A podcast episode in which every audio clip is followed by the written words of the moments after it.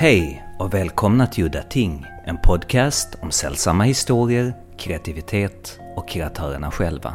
Mitt namn är Henrik Möller, musiken är skapad av Testbild och loggan till podden är gjord av Malmökonstnären Nalle Chinsky.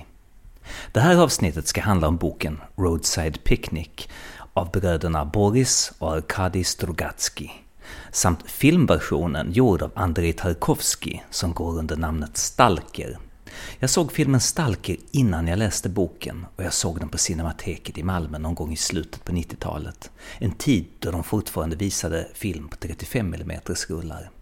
Filmen handlar om en författare och en professor som med hjälp av en så kallad stalker, en mystisk guide, som är den enda person som kan ta dem till en hemlig plats som ligger in i det som kallas för zonen. Zonen är ett avspärrat område som vaktas av militär och långt inne i zonens hjärta ligger ett rum där en persons innersta önskningar kan gå i uppfyllelse. Låter intressant, eller hur? En kompis hade dragit med mig till bion och sa att den här filmen var ett mästerverk. Filmen var nästan tre timmar lång och den kändes som sex timmar lång. Jag tyckte filmen var outhärdligt tråkig och kände, här var ännu en dryg gammal film gjord av någon analstofil. Filmen växte allt eftersom tiden gick.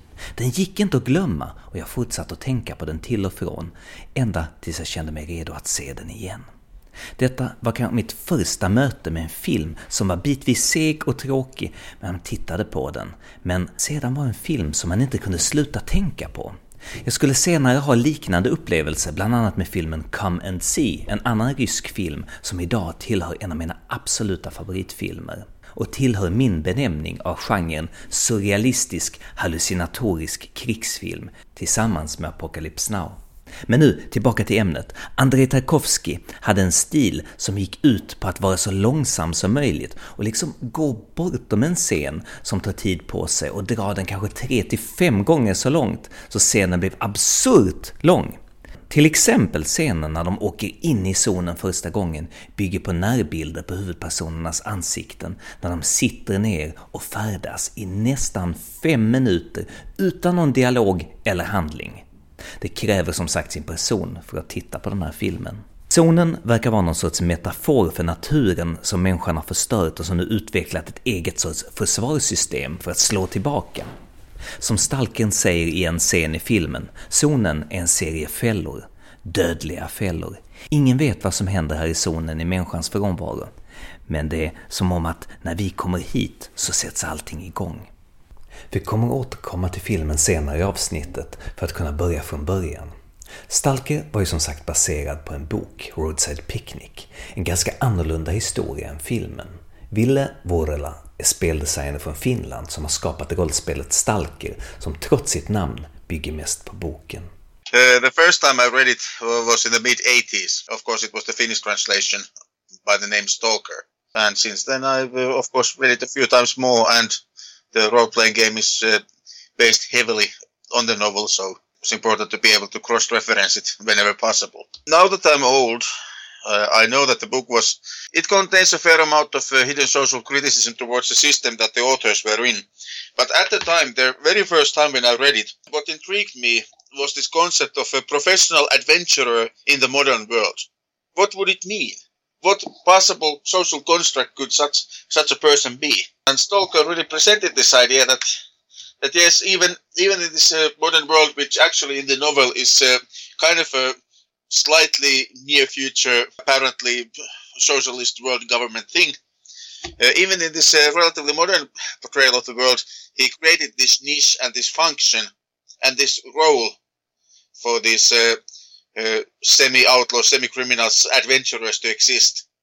And I found that very fascinating when I when I was a teenager. What did you think about the film? Well, when I first saw the Tarkovsky movie, uh, it was almost when it came out, and back then uh, I've always liked the visuals as such, uh, but when I didn't understand the context of it, it was uh, too slow paced. But now that I've watched it again and again, and I do understand the con- context, I really like the movie. But you have to admit that it's an uh, for the for the modern viewer, it's an acquired taste. It's very slow. It's highly symbolic. Could you talk about the differences between the film and the book? The zones uh, in the book and the film are very different. Uh, you could argue that um, the zone described in the book has actually some uh, common points with, let's say, the devastated landscapes after World War II, the ruined cities, or perhaps the aftermath of an of an atomic blast. Uh, it's barren. It's uh, all about ruins. very abandoned. There's very little vegetation, and even though the novel sometimes refers to there being some animal life, it's never depicted. It's never shown. In this um, movie, well, for obvious production reasons, they couldn't. Well, there are no nuclear wastelands for them to casually make movies in. Uh, but what I really liked was this way that as humans had abandoned these structures and as, as, as humans had pulled away from this area, the nature had taken them over. And it almost felt like, whereas in, in the novel it was very easy to believe that the animals and such are the work and consequences of an alien visit to planet Earth. In the film, it was almost like a, they were like powers of nature, like they belonged in that environment and the humans didn't.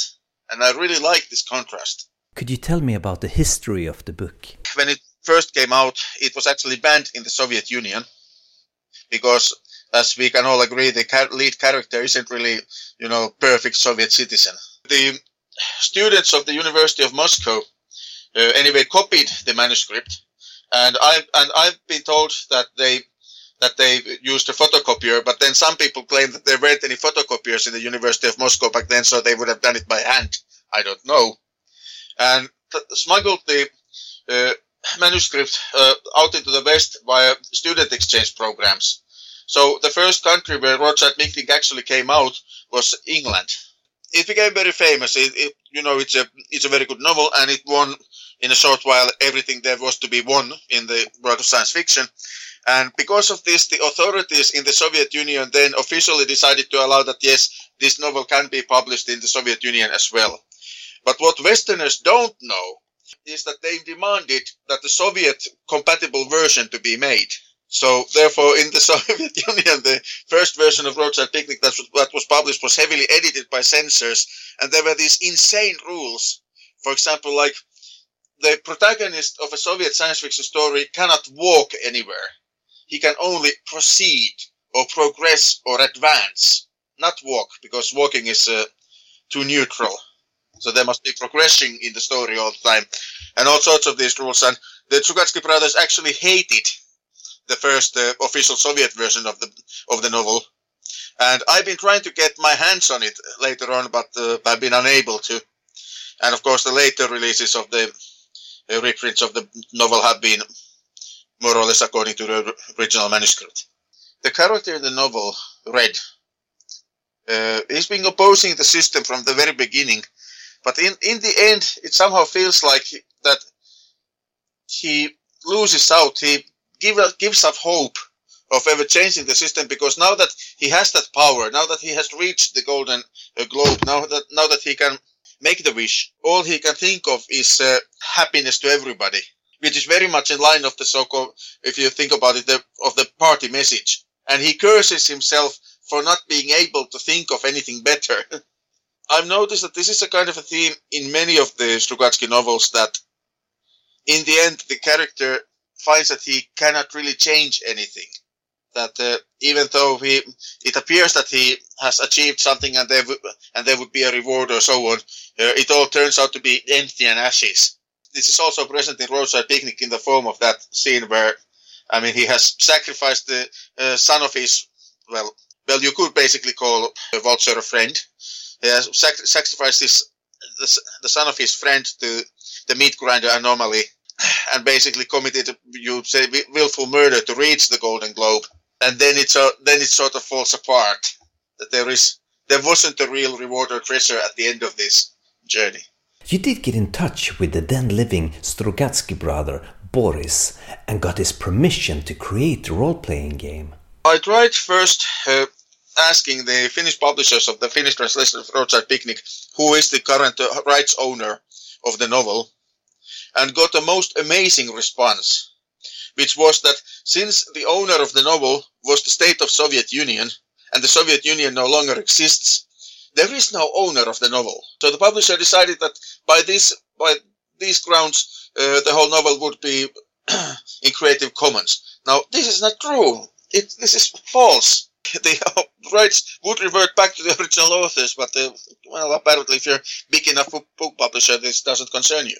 And I finally managed to get hold of uh, Boris Strugatsky himself. Arkady Strugatsky had already died by then via his uh, uh, Russian language forums. And even though I don't speak Russian, Russian, they were friendly people who acted as go-betweens and allowed me to uh, directly to him. And unfortunately, I never got the chance to actually speak him, speak to him live. So our initial exchange was uh, only by email. And uh, he was concerned, uh, first of all, that uh, is this a digital game or is this a, a board game? Because the digital game rights are a different thing and they are actually already owned by somebody which I believe to be Sony Pictures, but you never know. Once he was convinced that this was going to be a, a an analog game, a, a, paper game, then he gave the, initial agreement that okay, you can write it. I will I will then look at it and tell and tell what I think. And uh, once the game was completed, I wrote him a synopsis of what it was was supposed to be because by then the existing copy of the game was in Finnish, which he wouldn't have understood. After some initial confusion and learning what the concept of role-playing games was, he then decided that okay, literature derivation of my work, and therefore it belongs to the realm of my book publisher. And he has a book agent in Austria, and this book agent became then the basically the go-between between myself and Boris Strugatsky later the Strugatsky estate. And he drew up the plans that okay, I see that you are using Strugatsky's IP, but you are modifying it in significant way. So he agreed on uh, what I consider to be uh, not insignificant, but uh, justly small and acceptable royalty that I will be I will pay from every copy of Stalker role-playing game sold to Boris Strugatsky, and now unfortunately later to the estate of Boris Strugatsky since he passed away. When I asked for for permission to do it from Boris Strugatsky, I was told that he had given such a permission, permission once before, but had heard nothing of the author since. So maybe somewhere in the Russian-speaking world there is a small print game of the same topic, and I've been trying to look for it, but so far to no avail. So if anybody listening to this uh, knows something about uh, other uh, roadside picnic-related role-playing games, I would definitely be interested. There's also a few computer games which I've never played. Well, everybody knows the Ukrainian GSC uh, who made the S.T.A.L.K.I.R uh, first-person shooter series, and uh, the first of those games actually came out before the start, before my role-playing game. So you could say that that, that game that game is older, but uh, they are very different beasts, and they don't have a license from anybody. They just went ahead and did it. There were three of them, and they were quite good as such, but uh, they were also quite far removed. And I'm personally a little peeved that they didn't really acknowledge their debt to Boris Strugatsky or the use of their use of uh, Strugatsky brothers IP when they were doing it. Whereas, for example, uh, Dmitry Glukhovsky, who wrote the book series uh, The Metro, basically openly made it made a tribute to the Strugatsky brothers. Uh, and the characters read Roadside Picnic while in the metro, and also naming the individuals who explore the surface of the post-nuclear Moscow as stalkers. And, has, and he has always been very open about uh, his debt to the Strugatsky brothers. Okay, tell us about Stalker, the role-playing game. Uh, Stalker, the science fiction role-playing game, is a diceless uh, role-playing game of uh, basically our world, which has been visited by aliens. Well, that's the most common theory, and that's where the uh, name of the novel Roadside Picnic came from.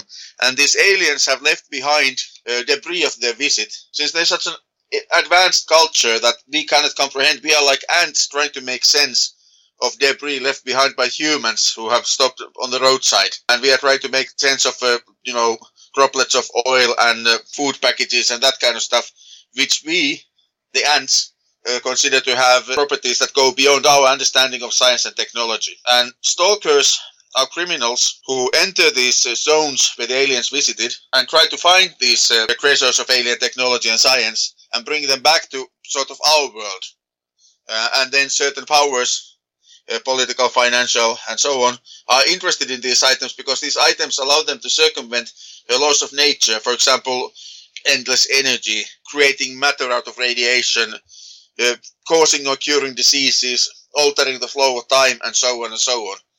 There seems to be no final limit as to what can be achieved by these uh, artifacts that you bring back from the zone.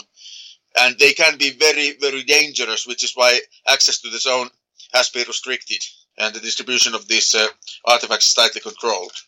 Now, within the zones themselves, uh, there are places where laws of nature have gone haywire uh, in contact in contact with these uh, uh, supposed aliens.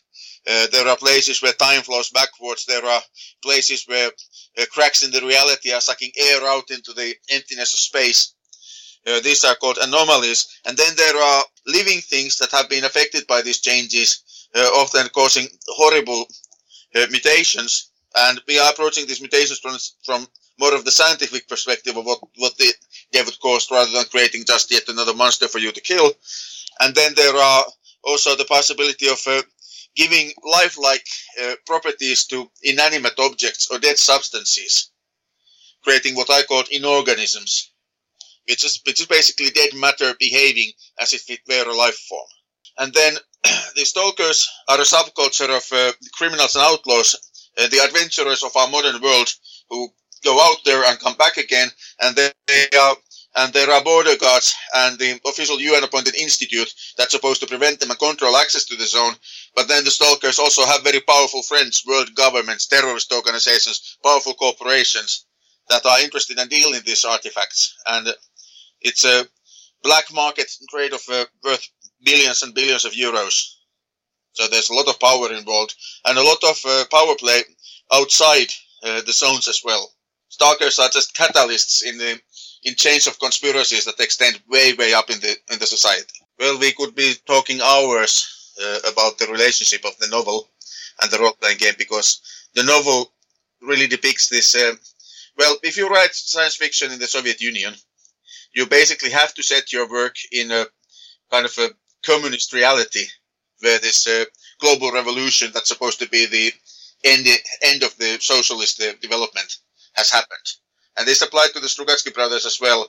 Therefore, setting where the, where the roadside picnic happens is not entirely realistic. Now, I wanted to bring it to the modern world. And what would they actually do in our world? What kind of panics and sentiments and political movements would arise from this or that thing? And I tried to include all the things and themes related to the zones and, and stalkers that are present in the novel, but then extrapolate their effects in how they would work in our world. Well, you remember this mention of these people who lived in the zone and managed to escape it when the visitation happened, and how their presence then statistically started to cause strange weather and even deaths in the areas that where they were concentrated. So you would have a population that's basically causing nat- natural disasters and accidental deaths by their presence. As far as I could tell from the novel, nobody was really reacting to it to this. It was mentioned just as a statistical curiosity, interesting only to scientists. Whereas in our world, in our xenophobic world, what would actually happen? What would be the popular treatment of such a population? Very seriously outcast, and there would be uh, lynch mobs, and there would be calls for their uh, both extermination or closing into facilities and demands, and it, it would be a bleak fate. Uh, this is uh, one of the things that the role-playing game has to deal with, even though the novel just skipped the whole issue. And now, finally, as for the rules, uh, it's a tabletop role-playing game in a very traditional sense, but after experimenting quite a lot with it, I didn't want, for example, the situation where the players come face to face with them with altered loss of reality and then this would be something that could be resolved with a dice roll. No, instead, the players would have to explain their solution or come up with a solution in the first place. And this solution, in relation to what abilities the characters would have, would then be evaluated against the difficulty factor of the of the challenge they are facing. And uh, if the player's idea and execution of it was good enough, uh, then they would pass this challenge, and otherwise they would fail and suffer some kind of a hit or casualty but usually something that for the first few times they can still recover from. And this is how the game system works. I admit that it's been a divisive thing. Some things think it's some people think that it's the best thing since sliced bread. Other people think that the diceless systems can never have a real place in a role-playing game. So it's a decision that everybody gets to make by themselves. Men nu tillbaka till filmen Stalker. Filmen har ju inte så mycket gemensamt med boken rent innehållsmässigt, men en grotesk bakom kulisserna liknelse finns i det faktum att den filmades på radioaktiv mark och nära en kemikaliefabrik där innehållet runnit ut i vattnet som filmteamet klafsade runt i och fick då till konsekvens att en stor del av filmteamet, inklusive Tarkovsky själv, dog i cancer några år efteråt. Filmens produktionshistoria tycker jag är extremt intressant och de flesta av detaljerna är lika omtvistade och hemlighetsfulla som själva filmens innehållsmässiga tolkning. Bröderna Strugatsky står krediterade som manusförfattare. Men när någon säger att Tarkovsky okrediterat skrev om manuset så är det få som tvivlar med tanke på hur det slutgiltiga resultatet ser ut. En annan historia bakom kulisserna är att Tarkovsky skrev manuset tillsammans med sin fotograf Georgi Rerberg. Rerberg och Tarkovsky hade jobbat tillsammans på filmen som anses vara Tarkovskys mest personliga film och största mästerverk, Spegeln. Många talade om att de bästa idéerna och visionära bildlösningarna kom från Rerberg. Det var något som störde Tarkovsky och stämningen var tryckt under inspelningen av Stalker. Tarkovsky experimenterade och testade bildlösning efter bildlösning i avancerade, tidskrävande åkningar med effekter och trickfilmning som skulle tajmas perfekt. Teamet, inklusive Reberg, blev irriterade över Tarkovskys ändlösa sökande efter något mer som Reberg då inte ansåg fanns där. Slutligen så var filmen färdiginspelad och det visade sig då, eller rättare sagt det sades, att filmen blivit förstörd i labbet. Den hade fått en grön tint och var underexponerad. Tarkovsky raljerade om konspirationer mot honom av olika slag. Tarkovsky påbörjade sedan att spela in hela filmen en gång till och Reberg var då en av dem som blev utbytta i det nya teamet. Men de som har sett det oanvända materialet påstår att det ser ut exakt som den färdiga filmen. Kan detta vara Tarkovskijs galna perfektionism som spökade där, eller som andra röster talar om, ett försök till att bli av med Rehberg? Tarkovsky använde sig sedan av bitar från den inspelade filmen samt filmade om kameraåkningar som Rehberg hade uppfunnit. Det finns en dokumentär som behandlar hela historien om Tarkovsky och Rebergs bråk under Stalker. Den finns att se på Youtube. Ett skrivet vittnesmål från en assistent till kameramannen berättar att hade han inte vetat att det var Tarkovsky han jobbade med hade han avfärdat honom och hela filminspelningen som amatörmässig. Tarkovsky kunde aldrig bestämma sig för hur han ville filma en scen och filmade om flera versioner, var sällan nöjd med tekniken, filmade om och om igen tills ingen längre begrep vad det var för fel han såg i föregående tagning. För att kunna få någon som helst grepp om denna existentiella konstfilm sökte jag upp den kanske främsta experten på ämnet, Lena Israel, numera pensionerad docent och lektor vid Filmhögskolan i Göteborg. Hon har skrivit två stycken böcker behandlande Andrei Tarkovsky. Den ena fullt ut dedikerad till filmen Stalker. Lena berättade att när filmen Stalker kom ut 1979 så blev det en riktig kultfilm. Jag undrade varför, på vilket sätt blev det en kultfilm? Vad var det som det snackades om just då? Det är ungefär så här att tre fula män går runt i en smutsig natur och kastar gasbindor. Eh, hur är det möjligt att kunna göra något så laddat, intensivt, existentiellt av detta? Tarkovsky gör ju det med hjälp av sin speciella dramaturgi, sin speciella människosyn, sin speciella syn på tid och rum och sitt bildspråk. Och det man mest diskuterade det var ju naturligtvis eh, det här slutet, de tre männen som kämpar eh, på alla plan i flera timmar för att nå det här önskerummet i zonen och som sen när de kommer fram inte väljer, alltså väljer att inte gå in i det. Det är ju mycket gåtfullt och öppnar för väldigt många tolkningar. Det jag också tror gjorde att det blev en kultfilm var att man var vid den tiden väldigt ovan vid de här, att se sådana här miljöer på film. Det här skadade, förstörda naturen eh, som ju också filmar på ett sådant sätt att man tappar orienteringen. Här finns ju inga etableringsbilder som talar om var vi befinner oss någonstans. Vi vet inte heller hur mycket tid som går, hur långt, vi vet inte var vi är, vi vet inte heller vad de här tre männen, hur de förhåller sig till varandra. Alltså man löser, Tarkovsky löser ju upp rummet. Och den här naturen, den här scenografin, det var något helt nytt, liksom männens klädsel. De är ju väldigt oskärmiga på alla sköna sätt. och um, sen finns det ju väldigt mycket mer i filmen också som naturligtvis är väldigt, skulle jag säga, provocerande för en modern västerländsk människa. Har du något exempel på något provocerande? Vi i västerlandet är väldigt vana vid genom den här framförallt amerikanska populärkulturfilmen vars modell och berättarstil och dramaturgi ju har spridit sig i mainstreamfilmen över hela världen. Den är ju uppbyggd kring presentation av huvudpersoner, man introducerar en viljekonflikt som trappas upp, når ett klimax, kanske eh, vänder ut och in på sakernas tillstånd och sedan trappas ner och så har vi en konklusion. Det där kan ju eh, bollas med lite grann men i princip är det ju strukturen.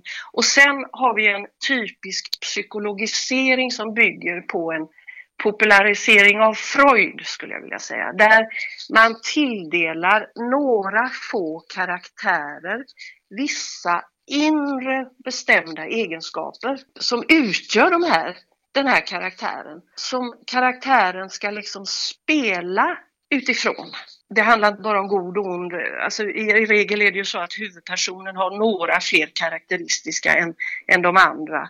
Och det bygger ju också på identifikation med en huvudperson som då gärna ska ligga i underläge och segra och allt det här vi känner till. Eh, och Tarkovsky löser ju upp allt det här från dramaturgin som är totalt annorlunda till människosynen som inte alls bygger på att presentera personer eller karaktärer med vissa bestämda egenskaper. Istället är det för Tarkovsky, och det går igen i alla hans filmer, en relationism som råder, det vill säga det som händer mellan människorna, i det här fallet männen då, och även hustrun och dottern kanske, eh, som är det viktiga. Och det är inte förutsägbart. För i det här klassiska berättandet som jag pratade om innan så kan man räkna ut vad som ska hända om man kan lite dramaturgi, kan lite Freud. Man presenterar och ger ett ett övermått av information om vilka karaktärerna är och så vidare. Och naturligtvis vem vi ska identifiera oss med och vem, vem vi ska hålla på och vem som är god eller i alla fall den bättre delen av mäns mänskligheten. Så är det ju inte alls i Stalker utan för det första finns det ju ingen identifikation. Om vi pratar om det då skulle jag säga så här. I Stalker så är ju för det första de här tre männen, Stalken, professorn och författaren, likställda. Det vill säga var och en har sin egen röst, sin egen integritet. Ingen är underordnad någon huvudkaraktär. Och vi får heller inte i moraliskt avseende veta vem som är, är bäst, har bäst idéer, idéer eller är godast eller vem vi ska hålla på. Utan det växlar. De ändrar ju sina ås åsikter. Man får se hela tiden nya sidor av dem medan de tränger fram i zonen. Och det kan vara ganska diametralt olika sidor inom var och en som vi får se. Tänk till exempel på den timide professorn som låter stalken härja och styra och ställa i början. Han visar sig vara oerhört aggressiv som med sin bomb vill förgöra det här önskerummet därför att han misstror människornas goda vilja och menar att önskerummet kan eh, användas på fel sätt eh, gentemot mänskligheten. Vi kan också ta den, den kaxiga författaren som är livrädd i vissa scener. De är allmängiltiga figurer och de presenterar sig inte genom sina egenskaper utan genom sina idéer. Och det är därför det är så viktigt med de här diskussionerna, dialogerna som männen har genom hela vandringen. De presenterar vilka de är genom sina idéer, genom sina världsbilder. Och de får ju hela tiden anledning att ifrågasätta de här idéerna och därmed sin egen identitet, vilka de är.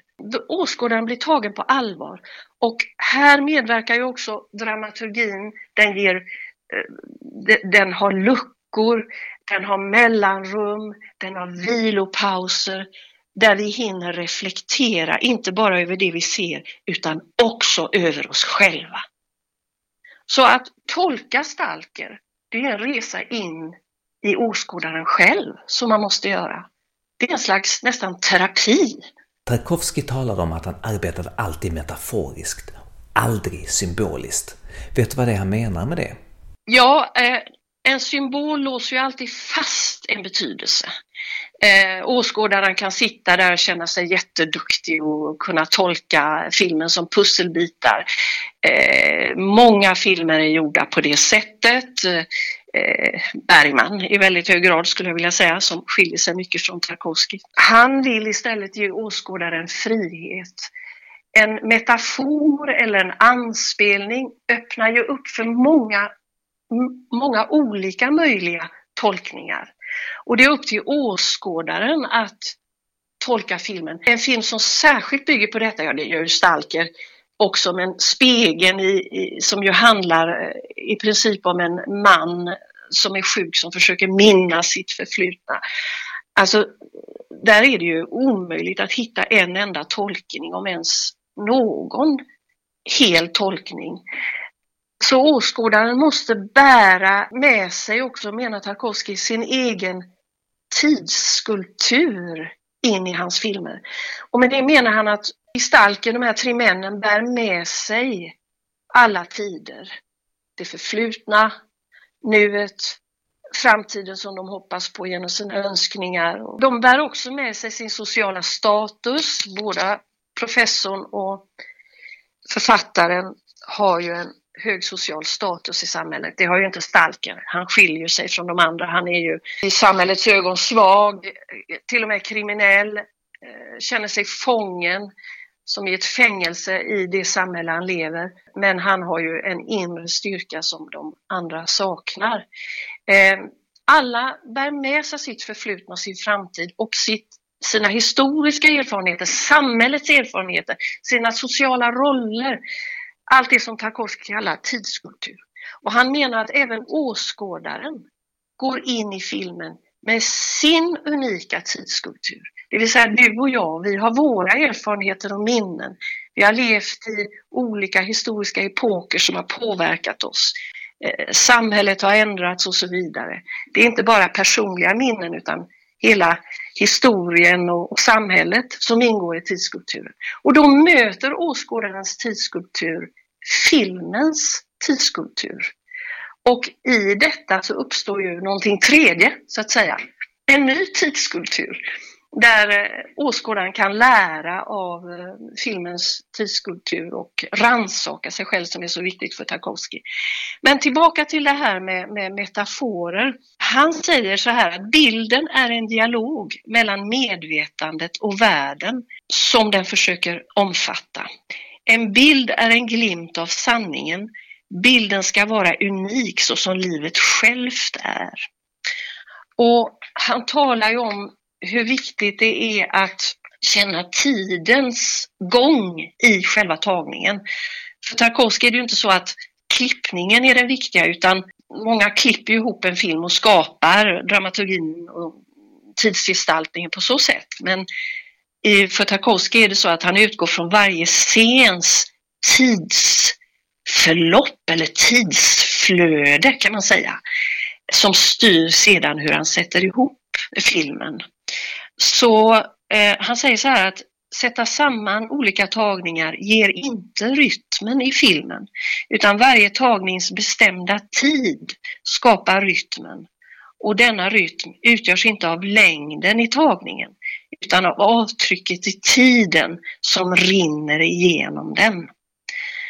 Och hur märks då tiden i varje tagning? Jo, han svarar så här att man känner någonting betydelsefullt, någonting sanningsenligt, något autentiskt som går bortom händelserna på duken. Alltså många ryska regissörer vänder sig mot det här eh, att, att vi västerlänningar gärna vill se symboler.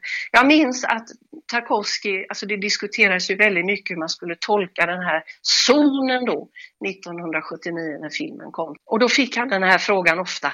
Det är så mycket vatten i dina filmer. Vad står det för? Står det för livmodern? Då svarar Tarkovsky ungefär så här. Livmodern, jaha du, det var en intressant tolkning. det har jag inte tänkt, det har jag inte tänkt på.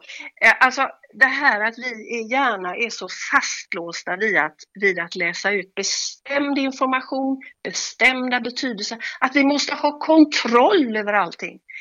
Varför inte bara släppa sinnet löst och hjärtat löst och ta till sig allt det här mångtydiga som Tarkovsky skapar i sina bilder. Det finns ingen entydig tolkning av zonen naturligtvis. Då vore ju filmen urtråkig. uttråkig. Och det, det, tolkningen måste vara öppen helt enkelt. Och det är så Tarkovsky vill möta sin åskådare med den här öppenheten, vilket ju är väldigt demokratiskt måste jag säga. Att man känner sig eh, sedd, man blir tagen på allvar och det tror jag var en sak som gjorde att jag tyckte så mycket om hans filmer. In, inte klappad på huvudet och styrd i hur man ska tänka, där man i så många filmer genomskådar det mesta och vad, eh, hur, hur eh, regissören etc. vill man ska tänka. Att Tarkovsky själv visste vad han sysslade med? Om han visste vad det var han ville berätta? Absolut, han vet ju exakt vad han vill gestalta och eh, vad han vill förmedla och hur han ska gestalta det. Eh, annars vore han ju inte en konstnär på den nivån som han är.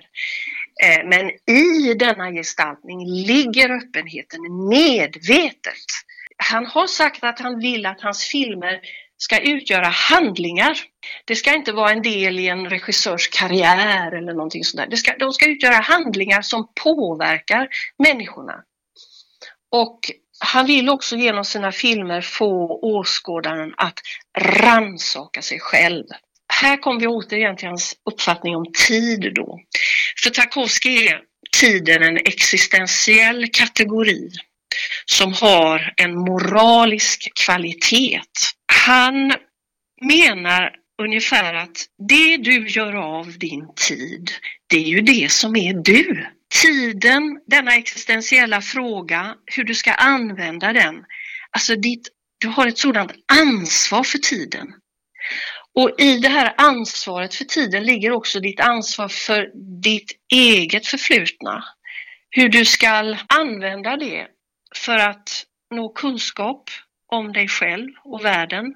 Hur du kan byta perspektiv ständigt i livet genom att som i en spiral gå tillbaka till händelser som har inträffat i, i ditt liv. Det där känner man av när man är äldre, hur man känner igen hur saker man trott kanske man har gjort upp med sin pappa eller mamma eller barndom återkommer likt en spiral, fast på ett nytt sätt i olika epoker av ens liv. Lena har även intervjuat skådespelaren Erland Josefsson som har jobbat två gånger med Tarkovsky. Och då pratar de bland annat om Tarkovskys regimetoder. Josefsson spelade ju med i både Tarkovskis Nostalgia och i Tarkovskis Offret som ju spelas in i Sverige. Och eh, han berättar något väldigt intressant om den här mångtydigheten som finns i Tarkovskis filmer ska också finnas i, i skådespeleriet. Han sa att när Bergman kommer till inspelningsplatsen så är allting uppställt enligt ett mycket precis schema. Och det kan naturligtvis bli väldigt bra men ingenting får avvika från det Bergman har tänkt ut från början. Då blir han nervös. Eh, men när Tarkovsky filmar en scen så gör han så här att han låter skådespelarna träna in scenen på ett sätt. Så kommer han och tittar och diskuterar med dem och säger han ja, bra, nu tar vi om det, men på motsatt sätt. De tränar och spelar och kommer han och tittar. Ja, nu tar vi om det en tredje gång på ett ytterligare ett annat sätt. Och så där kan han hålla på i ett par varianter. Och sedan säger han plötsligt Nu tar vi! Utan att berätta vilken version som är den rätta. Och då menar Eh, Erland Josefsson att då spelar man som skådespelare med alla de här versionerna laddade i sig. Så att då får man den här mångtydigheten i skådespeleriet också. Sen berättar han också att man ska inte visa i ansiktet för mycket känslor som skådespelare, menar Tarkovsky. Eh, det är händelsen som ska påverka åskådaren, inte skådespelarens eller karaktärens reaktion på händelsen. Det tycker jag är intressant också. Och han eh, filmar ju ofta människor, han har ju väldigt få, få närbilder. Eh, och ofta när han har närbilder kan man absolut inte utläsa eh, känslotillståndet i eh, karaktären i fråga, hos karaktären i fråga. Hans bildutsnitt är väldigt intressanta. Han låter eh, karaktärerna gå ut ur bild och lämna rum, rummet. Eh, kvar står rummet ensamt till exempel. Det hade man inte sett eh, särskilt mycket av tidigare kan jag säga när, när den här, de här filmerna kom. Eh, och ibland vet man inte vem som talar i Stalker till exempel. Man får ofta se en annan person än den som talar. Och dialogen finns inte heller med för att föra handlingen framåt.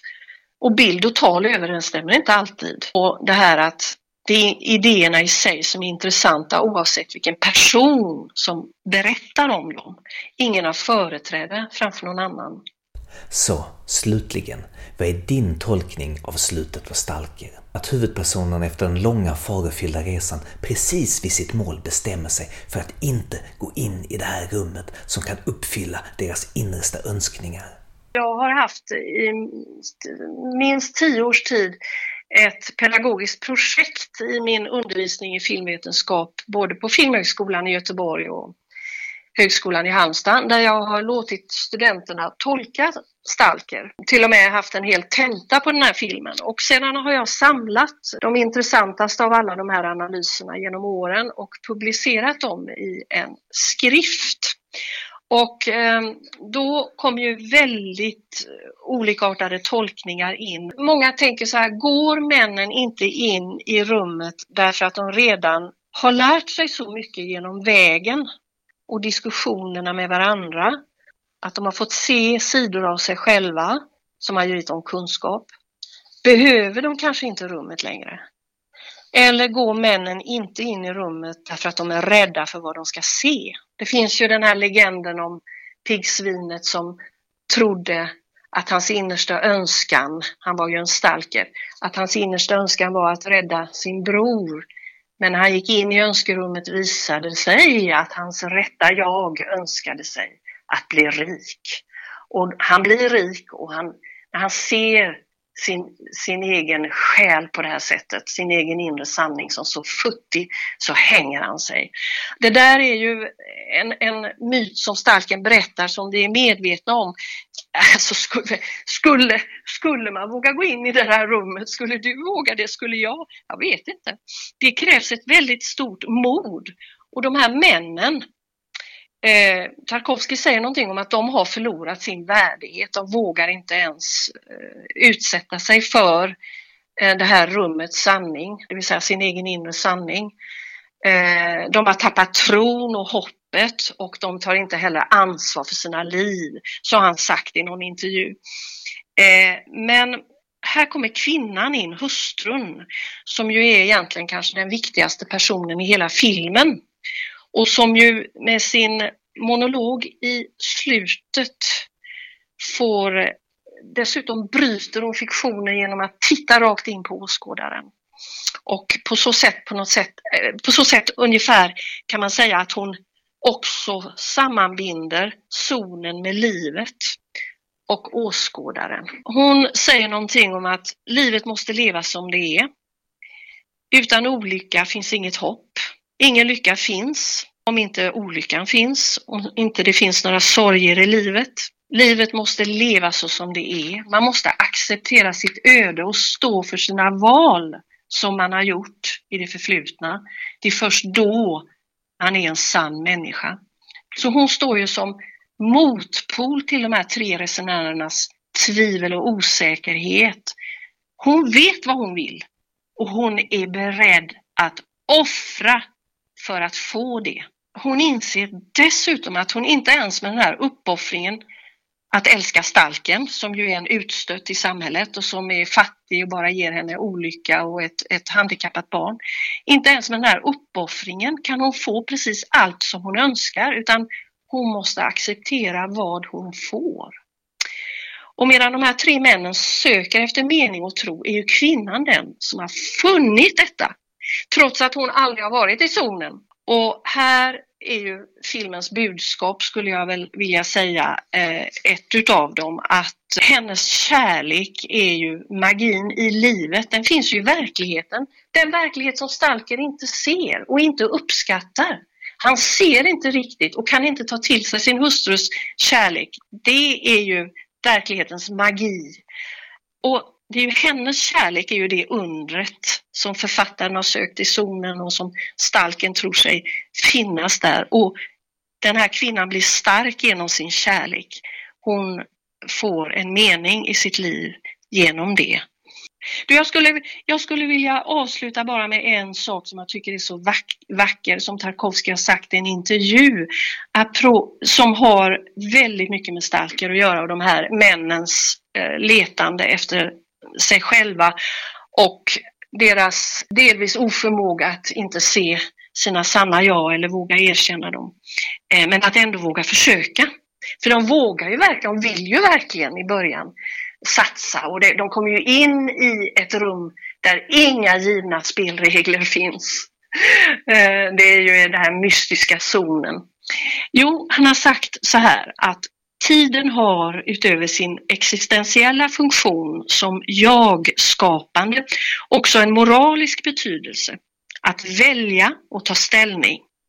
Inom varje människa finns en oavslutad inre kärna och det är till denna kärna som åskådaren måste vända sig i sig själv också.